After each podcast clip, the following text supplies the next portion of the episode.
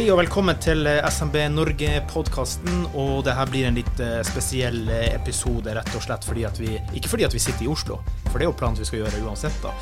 Men uh, vi sitter tre stykker kjekke herremenn her i dag. Ikke to som vi har pleid å være når vi har vært de faste podkastvertene. For Joakim Dagenborg, Hei. du skal takkes av. Ja, litt trist. Ja, Er det kanskje sjokk for eh, organisasjonen, det, eller? Takke av-sjokk? Ja, nei, det tror jeg ikke. Jeg tror eh, organisasjonen, eh, i hvert fall her i administrasjonen, har vært klar over det en stund. Ja.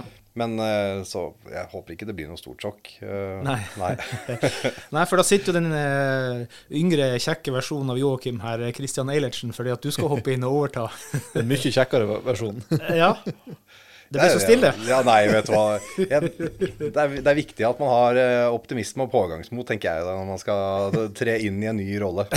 Og ikke minst sjølinnsikt. ja. Jeg snakker for deg sjøl. Jeg kommer aldri til å gi meg på at jeg er en ung, kjekk mann. Det er det. Nei, men selvfølgelig selvfølgelig det er jo trist at noen forlater oss, Kristian. Men, eh, men eh, det er jo gøy at vi, at vi pusher videre prosjektet podkast for SMB Norge, selvfølgelig. Ja, det håper jeg. Og jeg syns vi har kommet godt i gang med, med SMB Norge-podkasten. Og, og vi merker jo at vi får flere og flere lyttere her. Og, og, så det håper jeg virkelig at dere prioriterer eh, At man prioriterer også fremover. Og det, det kommer man til å gjøre også. Ja, og så vil jeg også si at det blir jo oppgradering nå som Joakim slutter. For at nå går vi fra nordlendingandel på 50% til 100 Ja, Ja, Men jeg er ikke nordlending, jeg er finnmarking. Ja Men men altså, du, du er fra nord, fra Sinsenkrysset, og da telles du som nordlending hos de aller, aller fleste. ja, jeg tror du skal få problemer med å argumentere, i hvert fall overfor oss østlendinger, eh, at ikke du er nordlending. Kristian er søring for meg. og Kristian har vært mye i Øst-Finnmark, han òg, da. Så eh, han sutret litt over det her om dagen, at det var langt til Vadsø. Ja, det er djevelsk langt, som vi sier. Men, eh, men Joakim, du har jo vært veldig lenge i SMB Norge. Vi skal komme med litt sånn etter hvert hvor du vandrer videre, selvfølgelig. Men uh, hvor mange år har du vært nå i SMB Norge? Litt over fire år, eller fire og et halvt år blir det vel uh, nå. Så det, så det begynner, jo, begynner å bli en stund. Trives jo, har jo trivdes veldig godt her. Og, og, og det er klart at det er mye som har skjedd eh, i løpet av de fire årene, eller fire og et halvt årene som jeg har vært her. Hva minnes du? Hva, hvordan har perioden din vært her? Jeg tenker er eh, For meg, jeg deler kanskje opp i tre deler. da. Det er eh, det første året, og så kom pandemien, som forandra alt for oss. Eh, Ja. Både for meg som kommunikasjonssjef og for organisasjonen vår. Mm. Så det er klart, den, den er, vil jo være ganske definerende for, for de årene jeg har hatt der, i hvert fall. Og så er det da etter pandemien, hvor man nå står med en, eh, på trappene til en ny krise, tror jeg, for, eh, for norsk næringsliv, sånn som med disse høye strømprisene. Men, men Klaus, vi kan jo egentlig tise litt allerede med hva Joakim skal gjøre når Ja. han slutter i med Norge. For han går jo fra de små og mellomstore bedriftene sin organisasjon til en supergigant. Ja, skal få en lilleputt til. Ja, nei, eh, det er jo egentlig ikke Det er jo Jeg kan jo greit gjøre det offisielt her, men jeg skal begynne som kommunikasjonssjef i Ikea. Ja. Hvem er det som synger om uh, 'I sofaen fra Ikea sitter far og denger mor'? Skal du bedre budskapet til Ikea? Ja, vi håper vi kan unngå det, da. Men uh... Ja. Nei, det, det er her um, Altså, jeg, jeg- jeg går jo fra en veldig sånn politisk vinkla eh, kommunikasjonsjobb og over i en litt mer sånn kommersiell kommunikasjonsjobb. Så, Ja. så det, for meg så har det vært litt spennende å kunne, kunne forandre litt retning der, da. Og prøve på noe nytt. Mm, Du kjemper jo de små sak i dag, og som selvfølgelig og Christian også har gjort en god stund, men skal også overta eh, stafettpinnen her i podkasten. Og så skal du over i de store, stores eh, Er det lov å si liga? Jeg vet ikke. Ja, altså det er i hvert fall en stor eh, virksomhet. Med 3500 eh, ansatte i Norge og sånn, så det, det er klart det, det, er, er vanskelig å si at det er en, eh, en bedrift i SMB-sektoren. Men du har de små i hjertet fortsatt? Det har jeg, og det kommer jeg alltid til å ha. Og klart, eh, Både sånn på generell basis, men ikke minst alle disse bedriftseierne som er i SMB Norge-organisasjonen, som jeg har møtt opp gjennom årene. Det er utrolig mange fine folk i den organisasjonen her som, som jeg kommer til å ta med meg resten av livet. Men, men Joakim, det blir jo kanskje en stor overgang fra deg å egentlig ha vært eh, kommunikasjonsavdelinga til SME Norge alene til en så stor bedrift der du kanskje har et team rundt deg. Ja. Ja, det, det, gleder jeg meg veldig til å prøve på. For det vil jo du merke som tar over mye av de arbeidsoppgavene mine. Altså, å kalle det en kommunikasjonsavdeling er å dra det litt langt. I hvert fall når det skal være julebord. Ja, ja, da blir du veldig ensom. Prøv julebord i enkeltpersonforetak, dere. Ja, det blir, det, det, blir noe, det blir, noe, tilsvarende, det. altså.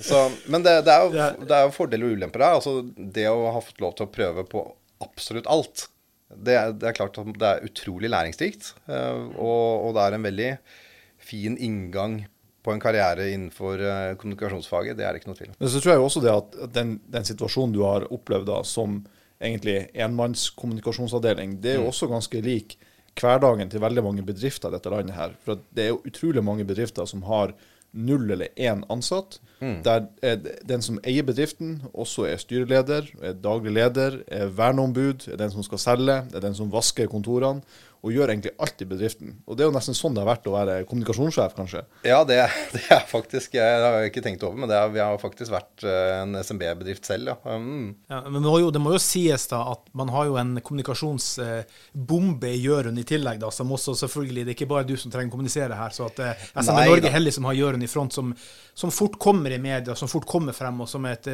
et vell av ideer og tanker på hvordan man skal komme seg ut. Så, så du, har, du har hatt din jobb alene, men du har ikke vært alene likevel på mange mulige vis? da. Nei da, er, selvfølgelig. Vi er jo et team som ja. samarbeider uansett. Men, men når vi er så få i en administrasjon, så, så må man fordele arbeidsoppgavene. Og, og, min jobb har jo vært å få Jørund ut, eh, eller administrerende ut i media. Eh, sånn at eh, jeg, jeg tror vi har, vi har lykkes ganske godt med det de siste årene, altså. Hva vil du si er dine eller skal, Jeg skal ikke sette deg helt på pidestallen her, for at du, du er en beskjeden gutt ja. Ja, fra, fra Østfold. Eller bor i Østfold. Da. Men eh, hva er suksesshistoriene i din periode, vil du si, her i SMB Norge? Hva, hva det du hva slår mot deg? Det, oh, det var en bra eh, suksesshistorie. Jeg syns vi hadde, Før pandemien så vil jeg si at vi hadde en veldig god sånn pakke rundt sykelønn, hvor vi virkelig fikk satt det på dagsorden. Vi lagde en uh, knakende god rapport uh, hvor vi tok tak i og egentlig for første gang fikk uh, satt et beløp på hva det koster for, for SMB-sektoren, eller norsk næringsliv, dette med korttidssykefravær. Ja. Og fordi den, de, Debatten rundt sykefravær har stort sett handla om langtidsfravær. Men det er ikke det største problemet for våre medlemsbedrifter. Det er de, det er de første 16 dagene som de betaler som, som, er det de er mest opptatt av, naturligvis. Eh, så vi fikk løfta det. Vi, det. vi, hadde en kjempegod debatt i Arendal. Eh, vi hadde hovedoppslaget på Dagsrevyen eh, et par dager på rad med Dagsnytt 18 og masse avisoppslag. Så det, at vi fikk virkelig løfta den saken, så, så, skal det sies at den ble ganske fort sabla ned igjen fra politisk hold. For det er jo ikke en sak man man elsker å snakke om på Stortinget. For at eh, det er så mange som har sterke motforestillinger. Ja. Men vi fikk i hvert fall løfta det opp. Og, og løfta den saken. Det, det, det, var en av de tingene som jeg er mest fornøyd med. Der må det også sies at sykelønnsdebatten har jo nesten fremstått som ei sånn slags hellig ku i norsk politikk i mange mange år. Ja. For at det er ingen partier Du som, som, opp, ja, det er ingen partier som er egentlig interessert i å diskutere det, eller interessert i å gjøre noe med det. Og Det at man også har inngått denne IA-avtalen, gjør jo at sykelønnsordninga ligger jo fast i mange mange år uten at noe skjer. Man, man har jo stort, har, I realiteten har man freda sykelønnsdebatten ved å, ved å måtte bli enig i IA-avtalen. At ikke, den, den, saken skal vi ikke røre på fire år. Og det, for helt ærlig, så er det et demokratisk problem. At man flytter en, så, en debatt som handler om et så stor del av våre felles utgifter, og flytter det fra Stortinget, fra politisk, og inn på bakrommet, basically, hvor, hvor LO, NHO og de andre sitter og, og, skriver under på en avtale og bare bestemmer seg for at vi skal ikke røre den eh, sykelønnsdebatten eh, de neste fire årene. Det, jeg syns det er problematisk. I, Ja, inkluderende arbeidsliv. Mm. Yes, stemmer det. Mm. Og der har vi jo også sett at, at, NHO heller ikke alltid er de beste til å representere de små og mellomstore bedriftene sine interesser. Det har vi jo sist nå sett med den strømstøtteordninga som de har forhandla fram med regjeringa. Så, så, det at SMB Norge har løfta fram sykelønnsdebatten i flere mm. runder i Arendal også, senest nå i år, Ja det er helt nødvendig. for at Hvis ikke Ja. så er det ingen andre som tar den debatten. Og Vi ser jo at det er et enorm interesse for dette spørsmålet blant våre medlemsbedrifter. vi, vi vet jo at NHO er enig med oss i bunn og grunn, men de tør bare ikke å gå ut så hardt på det området, for at de er redd for konsekvensene. For de skal jo sette seg ned og forhandle med LO videre, og de vet at dette er et ikke-tema for LO. Jeg som er innhyra ja, podkastende sprellemann, som du kalte meg, jeg vet hvorfor. Men i hvert fall, det er, jo, egentlig en skandale in the making, det her. Fordi at den dealen som man gikk inn med Strøm med regjering og trepart med LO og NHO, den er skandaløs. Og det er jo egentlig bare SMB Norge som kan eller våger eller tør å ta det opp fordi man ikke har disse forhandlingene. Men, men, men det er stille, og det er knust fra Virke, det er tyst fra NHO. Jeg sier rett ut, det er en skandale. Ja, absolutt. absolutt. Men det viser jo også eh, hvor, hvor viktig det er med SMB Norge. da, At man, man har en organisasjon som faktisk tar inn over seg hvordan virkelighet de små og mellomstore bedriftene har, og tar opp de spørsmålene i mange relevante sammenhenger. Og Der syns jeg jo Joakim har gjort en kjempejobb gjennom de årene han har jobba i SMB Norge. Vi, vi har i hvert fall muligheten til å spissformulere oss på en helt annen måte enn det, enn det både NHO og Virke har. Eh, og den, den har vi benyttet oss av, og den regner med at vi eh, Kjenner jeg deg rett, Kristian, så kommer vi til å benytte oss av den muligheten fremover også. Og det, og det er den rollen vi skal ha.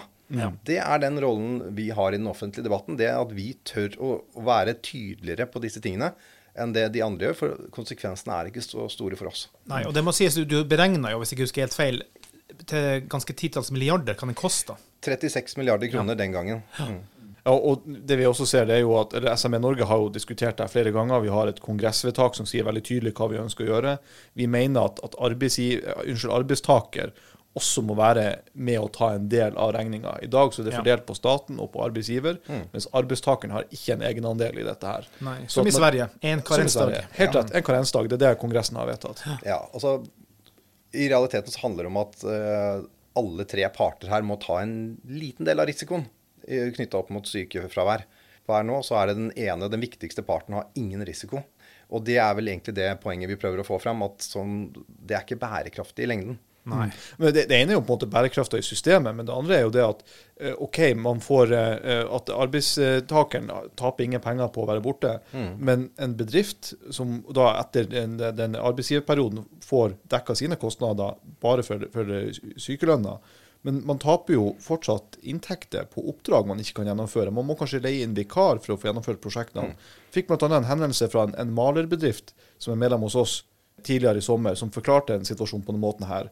Eh, ja, OK, er systemet er sånn som det er, men når eh, mine arbeidstakere er borte, så får ikke jeg gjennomført de oppdragene som man har påtatt seg. Det er tapte inntekter for bedriften, og det er også tapt avkastning for den som eier selskapet. Og det er enorm slitasje for de to-tre andre kanskje som jobber i en liten bedrift. Fordi eh, de er nødt til ofte å steppe inn og, og, og dekke over de timene som den sykmeldte sykemeldte er borte. Og det, så det er klart at det genererer nye sykdommer og ny, ny slitasje. Altså, Ja. det, er, eh, det er, for småbedriftene så er sykefraværet veldig mye mer alvorlig enn for en bedrift med Ja, 3, og, og 3000 det, her, det her er, som Kristian sier, en hellig ku politisk. Men det er dessverre en hellig ku blant norsk befolkning òg. De ansatte, altså Vi har hatt det så bra i Norge på alle mulige rettigheter ting og tang, at ingen vinner politisk uansett blant befolkningen. som er, Vi skal ha våre rettigheter. Sånn er det bare. Og så er det nye tider, det er tøffe tider, det er økonomisk krise, det er krig, det er strøm, det er you name it.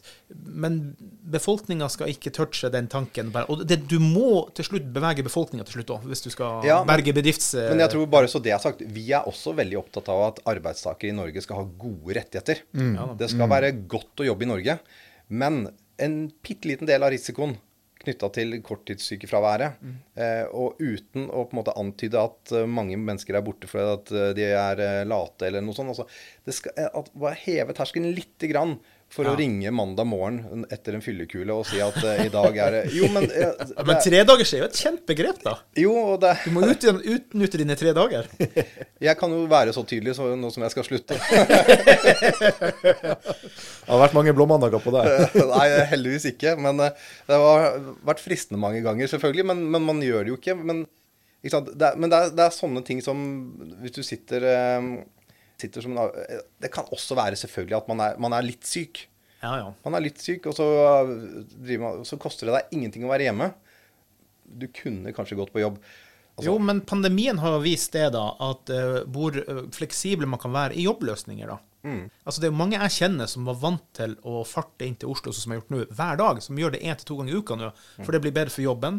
Det er faktisk et miljøtrykk redusert ved å jobbe mer hjemmefra enn å farte inn og ut. I hvert fall du bruker bil. Så det er jo flere mer alternative løsninger. Helt personlig, det er ikke for å skryte. Det er, jo, jo, OK, skryter litt, men tror, Typisk finnmarking. jeg tror faktisk ikke Jeg tror aldri jeg har fullført en hel eh, Hva heter det? Egenmelding. Arbeidsdag? Nei. Nei, det er noe helt annet. Da er vi på noe annet. Nei, egenmelding. Ja. Fordi at har jeg vært dårlig, så, så OK, du kommer deg gjennom. Men Og jeg er enig med deg, Joakim, det er ikke sånn at det er mange som utnytter det. Men det er en sånn greie man må, kanskje må prøve å komme seg bort fra. Og det gjør du hvis den første dagen koster deg sjøl av egen lomme. Ja, men, men det som også er, det som er viktig å få fram her, det er, jo, det er jo konsekvensene det har for de små og mellomstore bedriftene. Hvis du, Ja. er, hvis du er en bedrift, og, du, har, du er tre ansatte, og så er én av tre eh, borte, 33 er borte eh, Ja. pga. sykdom, eh, da går jo det enormt utover bedriften sin evne og mulighet til å løse oppdragene som man har påtatt seg. Og det går utover inntektene også. Ja. Og i ytterste konsekvens så kan det bety at eh, en bedrift får et underskudd det året fordi at man har sykefravær. Det viser jo også da hvor sårbar man er i en liten eller mellomstor bedrift når man har sykefravær. Ja. Joakim, Ja. rustning. Når, må, når har du måttet ta rustningen på krigshistoriene dine her i SMB Norge? Du har vel måttet kjempe for litt, har du ikke det? Jo, vi har jo eh, Det har jo vært, vært noen kamper eh, opp igjennom. Det, har ikke, det er ikke noe tvil om. Eh, Under pandemien, f.eks., Ja. så, så var det alle mann på dekk og frem med sverdene. For de som husker kanskje de første pakkene som kom, de husker også kanskje at de var helt elendige for mange av våre medlemsbedrifter. Ja. De traff fryktelig dårlig. Eh, og det, det er jo litt også fordi at de måtte komme på plass så fort, selvfølgelig. Men uh, da, da var det opp på hesten og frem med sverdet, altså. For at eh, det, det var, Fikk jeg bilde i hodet ja. ja. Nei, da, da fikk vi, fikk vi kasta oss rundt og, og kommet med masse innspill, og vi fikk være med. Vi ble jo da invitert inn, på, inn i det aller helligste i Finansdepartementet. Ja. Fikk være med å, å måtte påvirke de neste pakkene, opp, de oppfølgende pakkene, som gjorde at eh, våre medlemsbedrifter kom litt bedre ut av det. Eh, nå skulle vi selvfølgelig sett at de kom enda bedre ut av det, og at eh, disse pakkene fanga opp alle bedriftene. Det gjorde de ikke. Men eh, jeg tror hadde det ikke vært for SME Norge og den innsatsen som vi gjorde da, så hadde det vært eh, vesentlig flere bedrifter som, eh, som slet i, i, under pandemien. Ja, det må jo sies at eh, dessverre for spesielt utelivsnæringa, som jo Jeg vet ikke hvor det står helt med det søksmålssaken der, men svenskene reiste jo hjem. Mm. Og så har jo lønnsutviklinga gått så bra i Sverige at de har gode lønninger, lønninger, så de kommer ikke hjem. Og jeg har hørt om utelivssteder, eller restaurant eh, nå, til og med her i Oslo, som, hvor de ansatte bestemmer når de skal åpne, for det går ikke an å få folk lenger. Mm. Det må være spesielt som bedriftseier og ja, dine egne som bestemmer når, når skal vi åpne, kan vi dit, når, når gidder du å komme på jobb i dag? Altså det, det har rota til veldig, veldig, veldig mye. Ja, det, det er det ikke noe tvil om. Og, og det er jo forståelig også.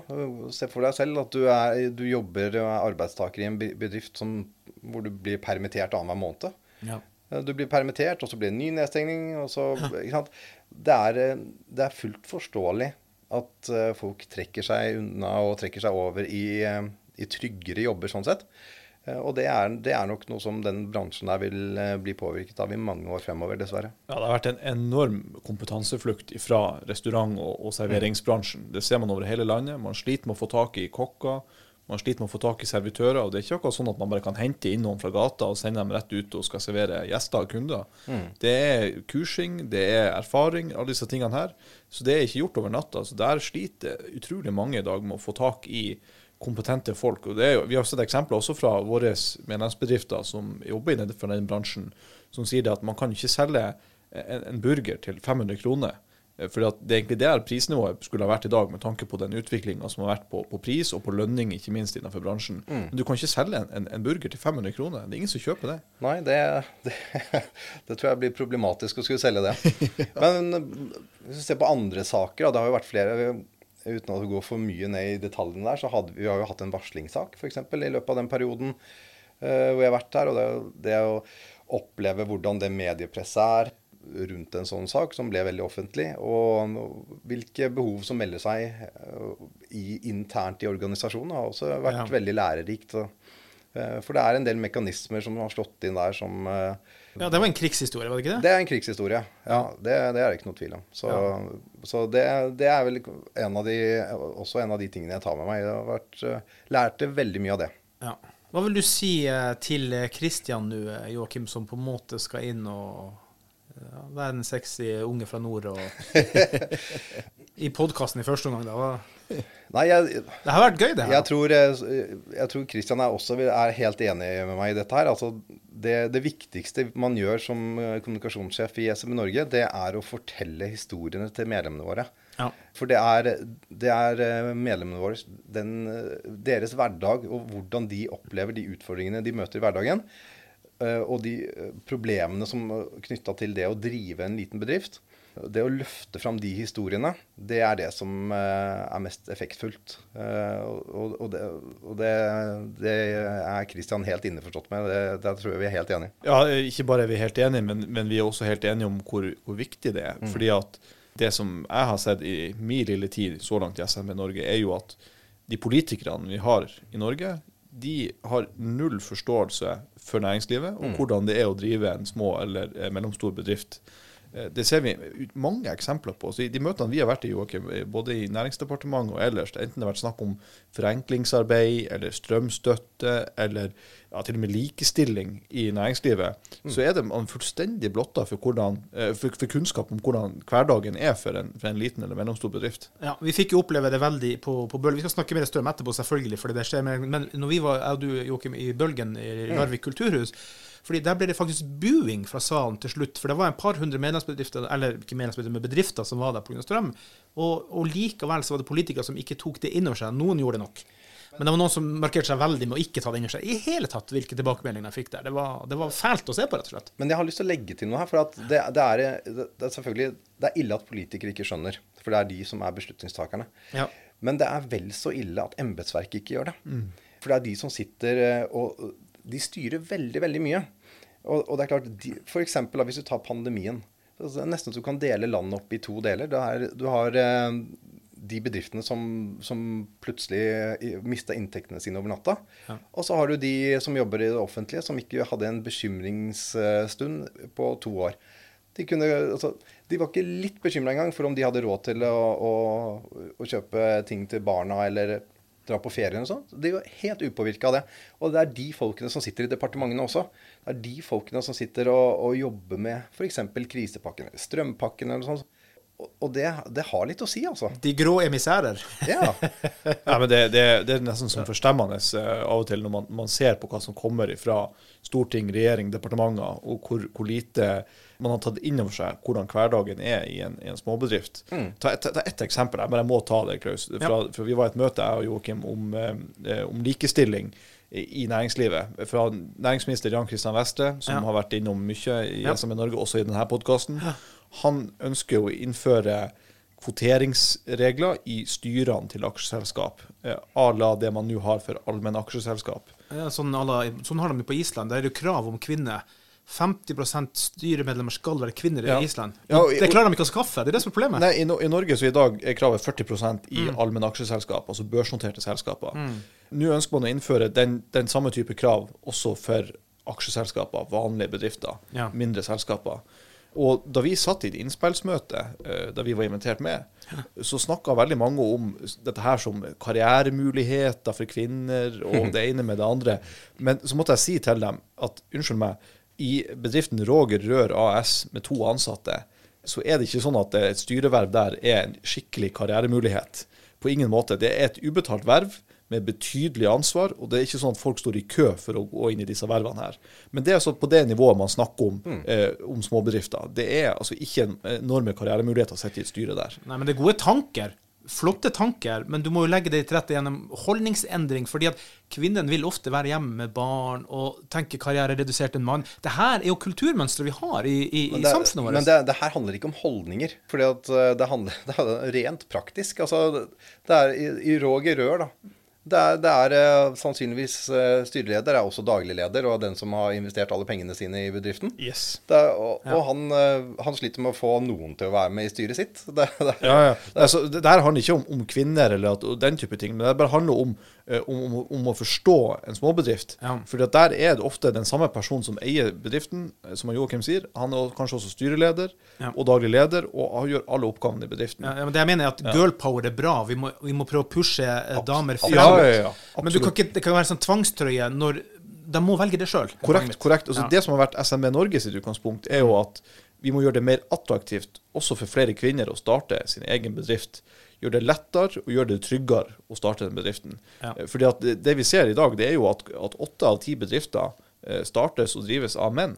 Og klart at Når det er så mange bedrifter som startes og drives av menn, så vil jo det også reflektere seg i styrerommene Ja. til selskapene. Så, så nøkkelen her er jo å få enda flere kvinner som har gode ideer, som er gründere, til å ta sjansen på å starte en egen bedrift. Ja, det er en veldig dårlig digresjon og sammenligning, men eller ta den likevel, da. For disse mikrolånene i Afrika og Asia, der er jo 90% kvinner som står bak dem. Sant?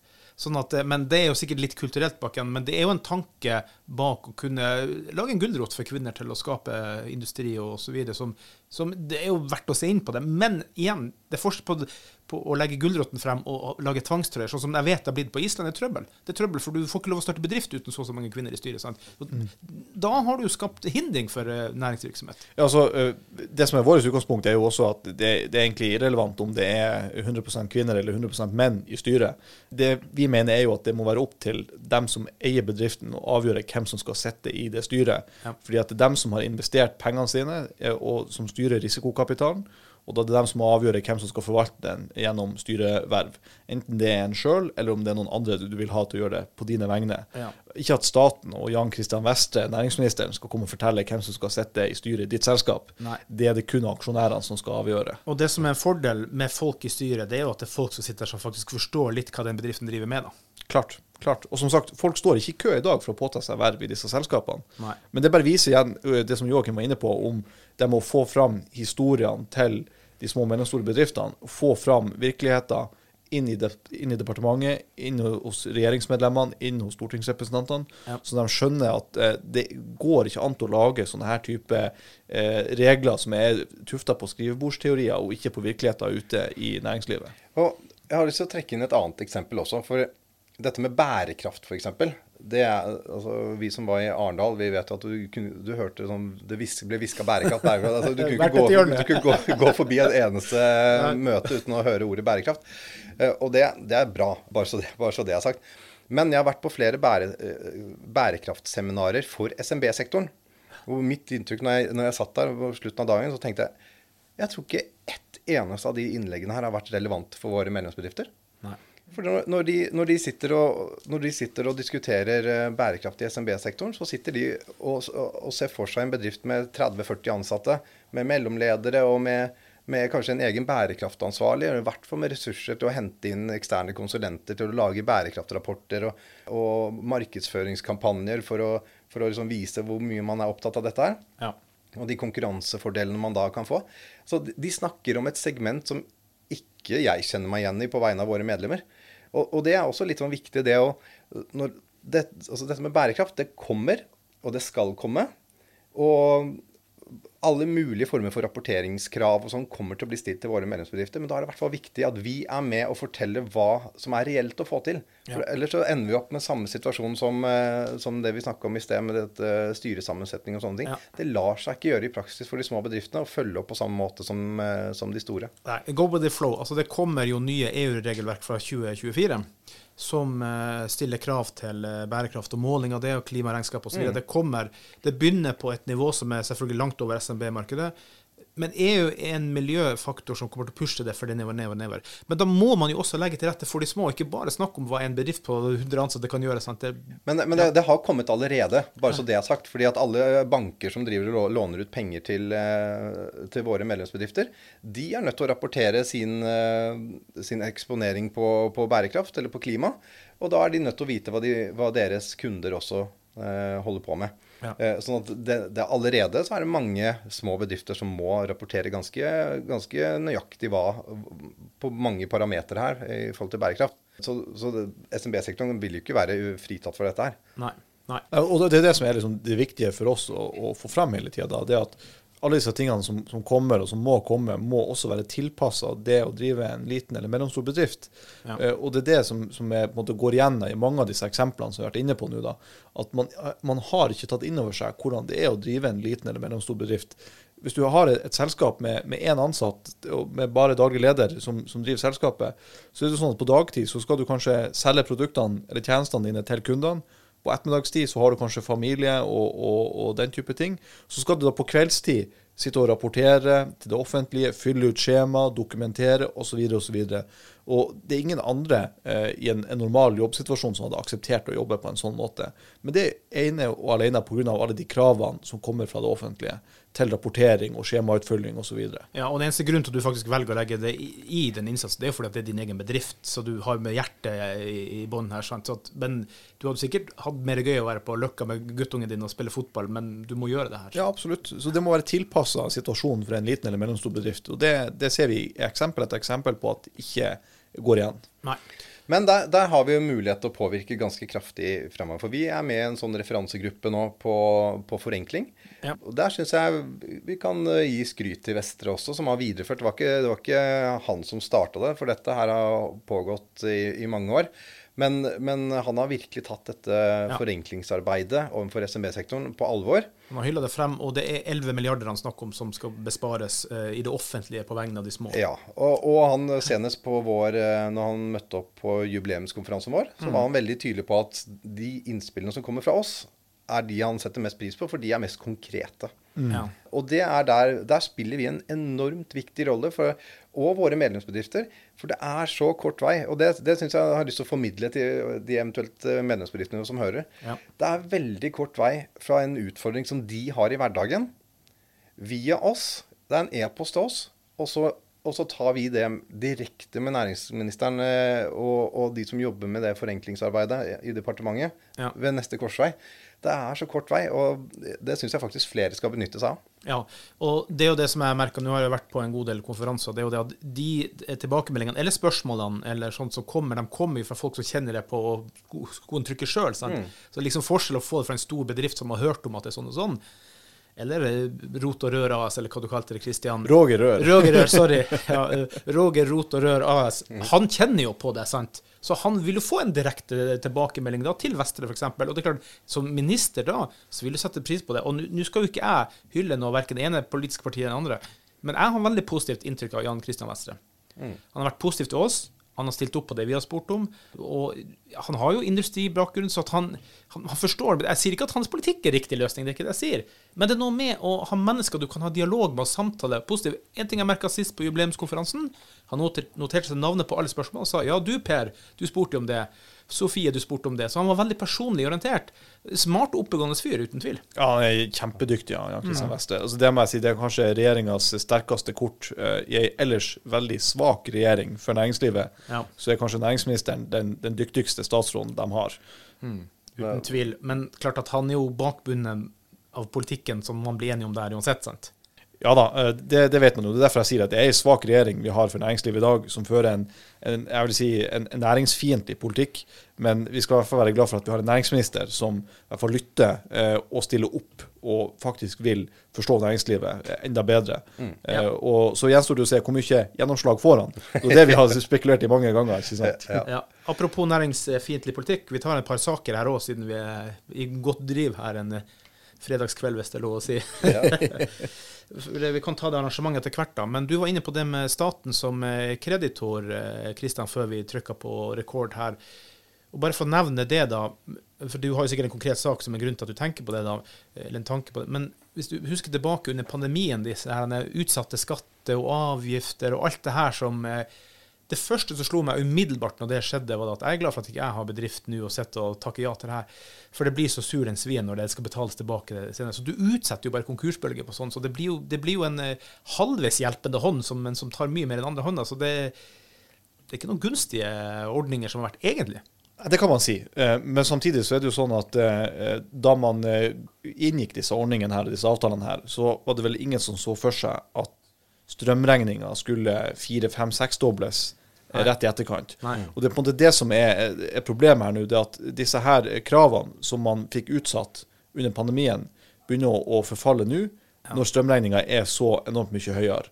Så du får på en måte dobbelt opp det utsatte problemet fra før, pluss økte strømregninger, som gjør at mange bedrifter ikke klarer den samla byrden.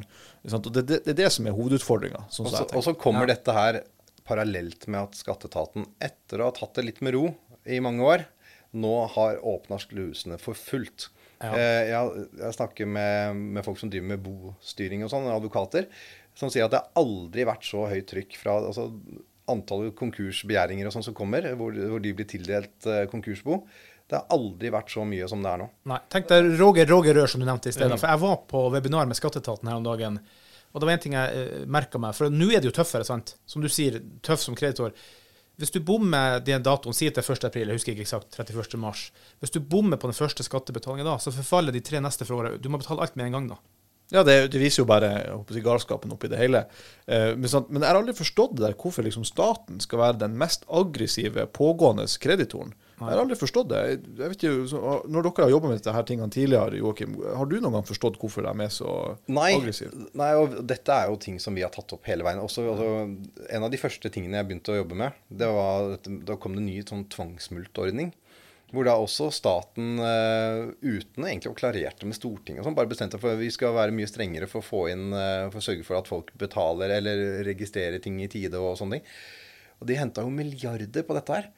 Og det er, eh, det er så, så, så, næringsfiendtlig, da. Altså, hvor man er så harde på å få inn uh, ting som uh, bedriftene skylder. At man er sannsynligvis de mest ivrige kreditorene der ute. Mm. Så det er uh, det er liksom, eh, Hvis du kan velge, som en tidligere sjef her har pleid å si, hvis du kan velge med å skylde penger til Skatteetaten eller til Hells Angels, så er det sannsynligvis best å velge Hells Angels. ja, så, så, så det, det, som er poenget her, da, det er at, at vi mener at, at, staten kan opptre litt snillere, for å si det rett ut, som kreditor. Det er ikke nødvendig å være så aggressiv på, på tvangsinndrivelse av alle utestående krav og fordringer på på f.eks. på skatt, på, på merverdiavgift, på arbeidsgiveravgift osv. osv. Gi, gi bedriftene et lite pusterom nå, der man ikke er så aggressiv på inndrivelse, og at man også må se litt på, på rentesatsen også. Mm. At man skal være 8-9-10 prosentpoeng rente på, på disse kravene her.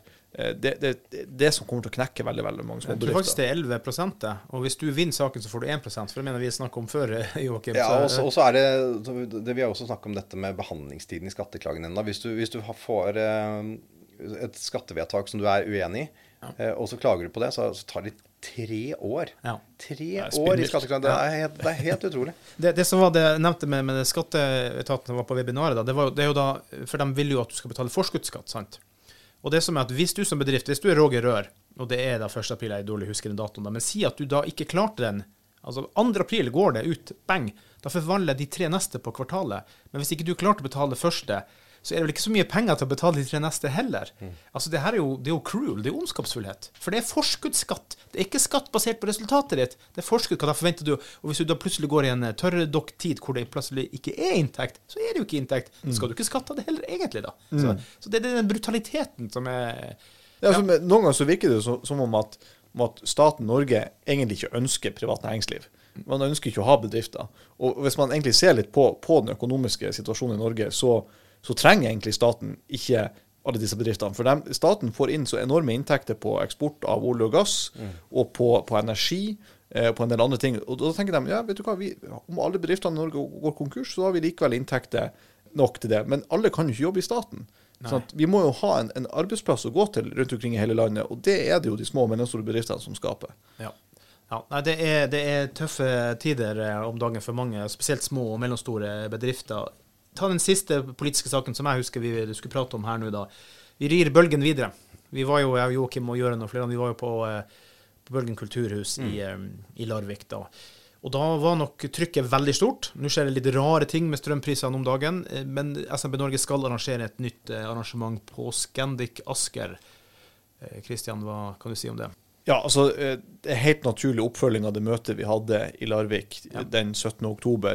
Eh, Og igjen, her Hensikten er å få fram virkelighetsbeskrivelsene fra de faktiske bedriftene vi har i dette landet, her, fram til politikerne. For at, Som vi har vært inne på nå i flere deler her i, denne podkasten, at politikerne forstår ikke situasjonen til næringslivet. Og Da er det vår oppgave å sørge for at politikerne får høre hvordan virkeligheten faktisk er når du driver en småbedrift i dag. Så det er hensikten med møtet. Vi har invitert eh, næringsminister Jan Kristian Vestre. Vi har invitert hele Akershus-benken på Stortinget til dette møtet 29.11. Det arrangerer vi i samarbeid med Bærum næringsråd og Asker næringsforening, som samarbeider tett med oss i mange saker, og som vi også samarbeider tett med her nå, for å få fram flest mulig historier. Eh, Så det er helt naturlig at den bølgen seiler videre, for vi frykter jo at det blir en konkursbølge i dette landet her etter, eh, i løpet av vinteren. Ja. Altså, Det går ikke an å ha vært eksempel nede på Lar i Larvik der og hørt eh, de beskjedene som kommer fra bedriftene, uten å tenke at her, er, her er det, står vi overfor en reell fare for en konkurs. Ja, helt rett. Det er det ikke noe tvil om. Men det, men det er klart at det, det var veldig brutalt på det tidspunktet, og er fortsatt brutalt. Men det skjer mye rart med, med strømprisen nå. Men det er jo fordi at nå har det bøtta og regna i alle retninger, i hvert fall i Norge. Magasinene fylles opp her, og så er det en lik situasjon i Europa. Men så er jo krigen der og ruller og går i bakgrunnen, så plutselig så snur det om igjen helt igjen. Sant? Så det er liksom, man kan ikke slippe ballen. Nei, det er kjempeuforutsigbart. Altså, sånn som Ja. I dag så tror jeg strømprisen var nede i null øre omtrent, på, i på et tidspunkt. Uh, og det er det som er utfordrende for næringslivet. Det er at du kan ikke planlegge. Du har ingen forutsigbarhet fremover. Og alle som har drevet en bedrift, vet at, at uforutsigbarhet på alle mulige områder det er det verste rammebetingelsen du kan jobbe ut ifra. Det er fiende nummer én. Ja, Ja. absolutt. Hun sa det jo i Larvik, jeg husker ikke hva het, hun som var litt spesiell tolkning av hun som drev møbelforretning i Larvik. At uh, hun ville ikke ha noe handouts, hun ville ikke ha noe sosialhjelp, nesten, som hun sa det. Men hun sa det på litt spesiell måte, skal sies. Og det verste var at hun hadde ikke tenkt seg opp, bare sto på scenen plutselig. Så ja, her er mikrofon. Greit nok. Du, ta sjansen, grip muligheten. Grip the mic, jeg håper å si. Men hun sa jeg vil ha rammebetingelser jeg kan forholde meg til.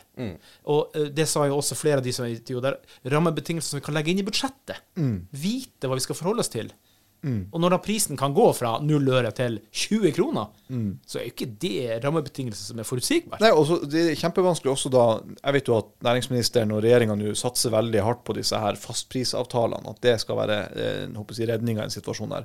Men det er jo da umulig å beregne en, hva strømprisen kommer til å være om ett år, to år, tre år. Ja. Så, så hvem i all verden er det som vil, vil, vil da eh, binde seg opp til en fastprisavtale for la oss si en treårsperiode eller en femårsperiode, kanskje på, på tre, fire, fem kroner kilowattimen? Ja. Det, det er umulig. Ja. Og så må man også huske på at veldig mange små bedrifter, i hvert fall bedrifter i oppstartsfasen, de, de, er, de lever på litt sånn fra dag til dag i utgangspunktet. Det, det i det hele tatt tenke på en treårsavtale, det er helt urealistisk. Ja. Sånn at, eh, Og de vil jo også bli rammet av, eh, av disse her eh, strømprisene. Så, så det må på plass en løsning som, som gir forutsigbarhet for alle bedriftene i Norge, også de minste. altså. Ja, og så må det være min personlige mening full gass på tillatelse av alle mulige utbygginger. fordi at jeg tror dessverre vi ikke kommer utenom at Norge blir batteriet for Europa til slutt her uansett. Det tror jeg, altså Personlig så tror jeg det blir veien, da. Og da må vi ikke ha behandlinger i departementet som har 20 år å få vedtatt for godtatt en utbygging her eller utbygging der. Det må gå litt, det må gå litt kjappere, da. Det, gasskraftverket, nei, eh, altså, atomkraftverket i Finland som ble åpna i januar i år, skulle ha vært ferdig i 2009. Det forteller litt om hvor man kan havne bakpå hvis man ikke er progressiv i det med å godta og sette i gang prosjekter. Da. Ja, Nå har jo vi en regjering som er veldig glad i å sitte og følge tett med på situasjonen. ikke sant? Så De kommer sikkert til å følge tett med gjennom hele resten av perioden. Ja. Men, men det er også en ting som næringslivet etterspør i mange sammenhenger. Det er litt effektivitet, og at det går litt raskt unna når man enten har en søknad om en byggetillatelse eller setter i gang prosjekter ikke sant? som kan utløse mer verdiskaping og investeringer. ikke sant? Så går det så tregt i byråkratiet. Det, det ser man mange eksempler på. En god illustrasjon på det er at det var- midt i juli så kalte de inn til krisemøte om, eh, om, om, om strøm. I august. Med en, en måned Ja. frem i tid. Jeg synes det bør være, Hvis man kaller inn til et krisemøte, så bør, man, eh, bør det være sånn der eh, frist på en uke i hvert fall, for å få gjennomført det. Ja, det stemmer. Det Det er hastemøte på Stortinget. Ja, hastemøte. hastemøte ja. En Det ja. Det ble jo kommentert i Larvik ganske mye da. Vi har skravla ganske langt og, og lenger, og hvis vi ikke kaster inn for mange ting, så tenker vi må ta litt sånn eh, hjertevarme og runde av og hva vi tenker videre osv. Men, men Kristian, din erfaring av å ha Joakim som snart forlater oss ut dørene her, og vi blir tårene i ørene i Ørene, sier jeg. Kanskje i ørene Hvis ikke du hadde tårekanalen der. Men Hva vil du si til Joakim eh, i den tida du har hatt med han? nei, jeg vil bare si kort og godt at det har vært helt fantastisk å ha Joakim som, som kollega, eh, og ikke minst en som jeg har lært en del av. Eh, og det er jo kanskje det jeg setter mest pris på når jeg jobber med folk, det er jo at man faktisk kan lære noe av noen som har en annen erfaring, annen utdannelse, annen bakgrunn enn det man sjøl har. Ja. Så det å jobbe med Joakim har vært eh, veldig lærerikt eh, for meg, noe som jeg setter stor pris på. Og, sant, den, Du har jo bakgrunn som journalist, Joakim. ikke sant? Mm. det har jo ikke jeg. Så det å ha fått den innsikta fra noen som faktisk har sittet på desken, som har skrevet de sakene, det har vært veldig nyttig for meg da, med tanke på når jeg skal Ja. ta over en del av de oppgavene som, som du har hatt til nå. Sånn som jeg tenker det, når du er ferdig utlært, da er du ferdig. Men det mener jeg. Du har noe å lære hele tida, Ja, ja. hvem som helst. Hvor som helst. Absolutt. Ja. Nei, Det var jo veldig hyggelig sagt, Kristian. Og, og jeg er i hvert fall helt sikker på at uh, på kommunikasjonssiden så, uh, så er SMB Norge i gode hender med, med Kristian på rattet der. Altså. For han, uh, han har virkelig, eh, virkelig overbevist i de månedene han har vært her. Ja. Hva vil du si, Kristian, hvordan blir det å ta stafettpinnen eh, videre nå i forhold til podkasten? Vil, vil du si noe om deg sjøl, forresten? Eller, eller kjenner alle i SB Norge deg ute blant de smått og store?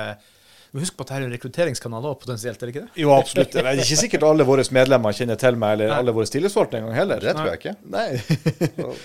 så, men, og det er jo Altså, jeg er jo 28 år gammel. Jeg, som de aller fleste hører, forhåpentligvis, så er jeg fra Nord-Norge.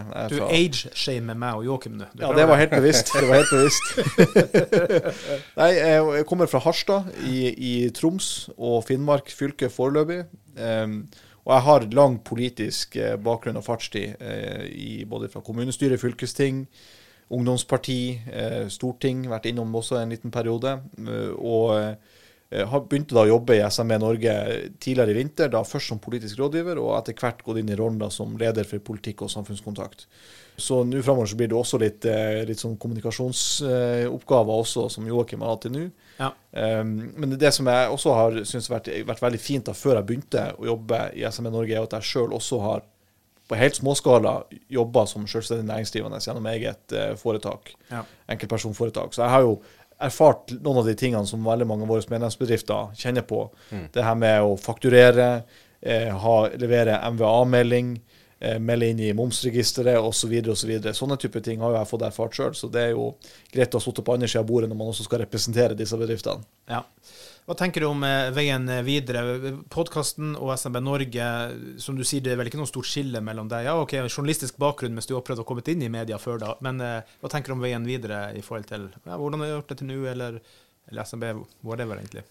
Jeg tenker at Vi har kommet veldig godt i gang med denne podkasten, og den skal vi videreutvikle framover. Og det som jeg tror at vi skal legge mer vekt på, det er jo å få høre ja, både seiers- og, og krigshistorier fra enkelte bedrifter. Fra bedriftseiere som har starta en bedrift og lykkes, og kanskje også fra noen som ikke har lykkes. For at eh, de aller, aller fleste bedriftene som startes i dette landet her, de lykkes jo ikke. Mm. Så det å også få fram det perspektivet, at det er faktisk mulig å lykkes, men at du må kanskje prøve mange, mange ganger før du endelig treffer spikeren på hodet. Ja, det var en investor som sa det, nå husker jeg ikke helt tallet, det er noe jeg og du og Joakim har vært borti, men det er sånn på syv oppstarter, så er det én som klarer seg. Det er et eller annet sånt eh, Det, det, som, det som i hvert fall er sikkert, er at de aller fleste som lykkes med sin egen bedrift, har, eh, har, har bomma et par ganger før de gjør det. Ja, absolutt. Det er det ikke noe tvil om. Så, så, så kanskje få fram noen av disse historiene enda bedre framover. Så vi skal videreutvikle denne podkasten her. Og, Ja. og den skal være mest mulig aktuell for landets små og mellomstore bedrifter. Ryggraden i norsk næringsliv. Ja. Og det må jeg jo si, nå har jeg jo vært litt rundt omkring eh, med dere, og eh, det er er bedrifter som er nysgjerrige og interesserte og har lyst til å by seg frem, så det er en, det er en god vei videre. Og eh, selvfølgelig så finner de oss på podkast.smb Norge, eller telefonen din, eller hvor som helst, eller Facebook. De finner tak i oss, og det, det er bare å begynne å varsle og si at kan vi få en prat, kan vi ta en prat, og så videre. Så, så må vi bare styre det seg etter Ja, absolutt. absolutt. Og er, er det temaer eller, eller problemstillinger som de ønsker at vi skal diskutere i podkasten utover det, Ja. så må man også gjerne sende det på podkast.smbnorge.no. Ja. Ikke sant? Der får vi alle innspillene. Og Klaus, du leser gjennom alle fortløpende, så gjør du ikke det? Ja, jeg har det. Vi leser så fort som vi klarer. Jeg er en gammel mann med penn og papir. Spørsmålet er hvor fort klarer du å lese? Nei. Men så er det jo sånn, da, at uh, Joakim, du skal jo videre til en, eh, en svensk eh, gigant fra de små uh, gasellene som jo vi er, da. Selv om jeg ikke er like ung som Kristian, så er vi jo unge slash gamle gaseller. Vi gjør så godt vi kan, men du skal til en gigant. Eh, Og det nærmer seg jo jul snart, og vi har jo snakket om eh, bærekraft og rehabilitering av diverse ting. Så eh, i her kommer det noe greier etter deg, så vi skal runde Oi, av med. oi, oi. Du, du må jo da læres opp kulturelt Ja. inntil en eh, svensk gigant.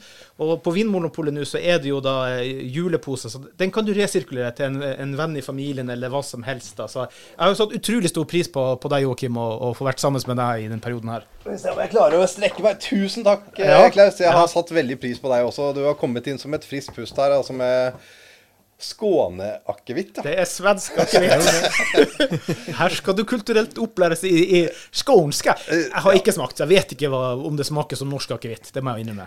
Men et kjapt spørsmål.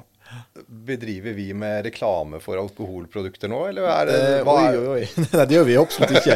Vi Nei. oppfordrer ingen til å nyte alkohol. Du, men vet du, vet du? Det er jo faktisk talt det er podkastere, det er youtubere som driver og drikker seg dritings på eh, sånn her, og tjener penger på det. Så at, eh, sånn type reklame i gåsehud blir ikke tatt, men hadde vi lagt ut bilder og greier, selvfølgelig, det er noe helt annet. Men eh, kulturell eh, opplæring, Joakim, det Ja, var tanken da. Tusen, tusen takk. Den skal, den skal jeg drikke i, i jula og uh, lære meg svensk. Ja, Skånsk er litt sånn blanding av dansk og svensk, da. Det er det eneste som er Ja, vi det var har, vi har jo faktisk en skånsk uh, Monica som jobber Ja. i administrasjon. Hun er jo fra Skåne, så jeg har plukka opp litt grann underveis her. Eh, og jo, hun har jo sikkert mange av våre medlemsbedrifter møtt på når de har ringt oss. For Ja. hun, eh, hun snakker jo med veldig mange av de, så da kan de få høre hvordan skånsk uh, høres ut Ja. hos Monica Gregory der, da. Det jeg vil bare si helt til, til slutt her, da, som en liten oppfordring, da, i og med at en kommunikasjonsmann går ut og en annen kommunikasjonsmann kommer inn, da, det er det at det har vært veldig fint om lytterne der ute hadde begynt å dele oss, omtale oss. Gi en femstjerners rating i eh, i hvert fall Spotify og Apple Podcast kan du gjøre det. Skriv en omtale i Apple Podcast, fordi at algoritmenes verden fungerer sånn at da blir vi spredd, faktisk talt, mm. ganske mye. Og så bør dere gå inn på Facebook og søke opp SMB Norge. og Gå inn og følge oss der, for der legger vi ut saker hele tida eh, fra det vi holder på med. Og der får man jo også De siste podkastene blir jo også lagt ut der, så man, man blir minnet på det. Ja. Eh, Og da kan man høre på podkastene. Ja, og på dinbedrift.no så finner du også medlemsfordeler, og for en bitte, bitte liten ørliten eh, beskjeden eh, kronesum så kan du Nesten få gratis. Nesten gratis. Så vi anbefaler dere å gå inn der, altså. Meld dere inn på dinbedrift.no. Ja. Og frem til da sier vi bare takk for i dag, gutta. Takk for deg, Joakim. Det har vært vel, vel blåst, det her. Tusen takk for det, og lykke til videre. Det er en eh, viktig viktig jobb som SMB Norge gjør, og dere representerer eh, organisasjonen på en aldeles utmerket måte. Så lykke til videre. Og vi, Klaus, vi er tilbake i neste uke.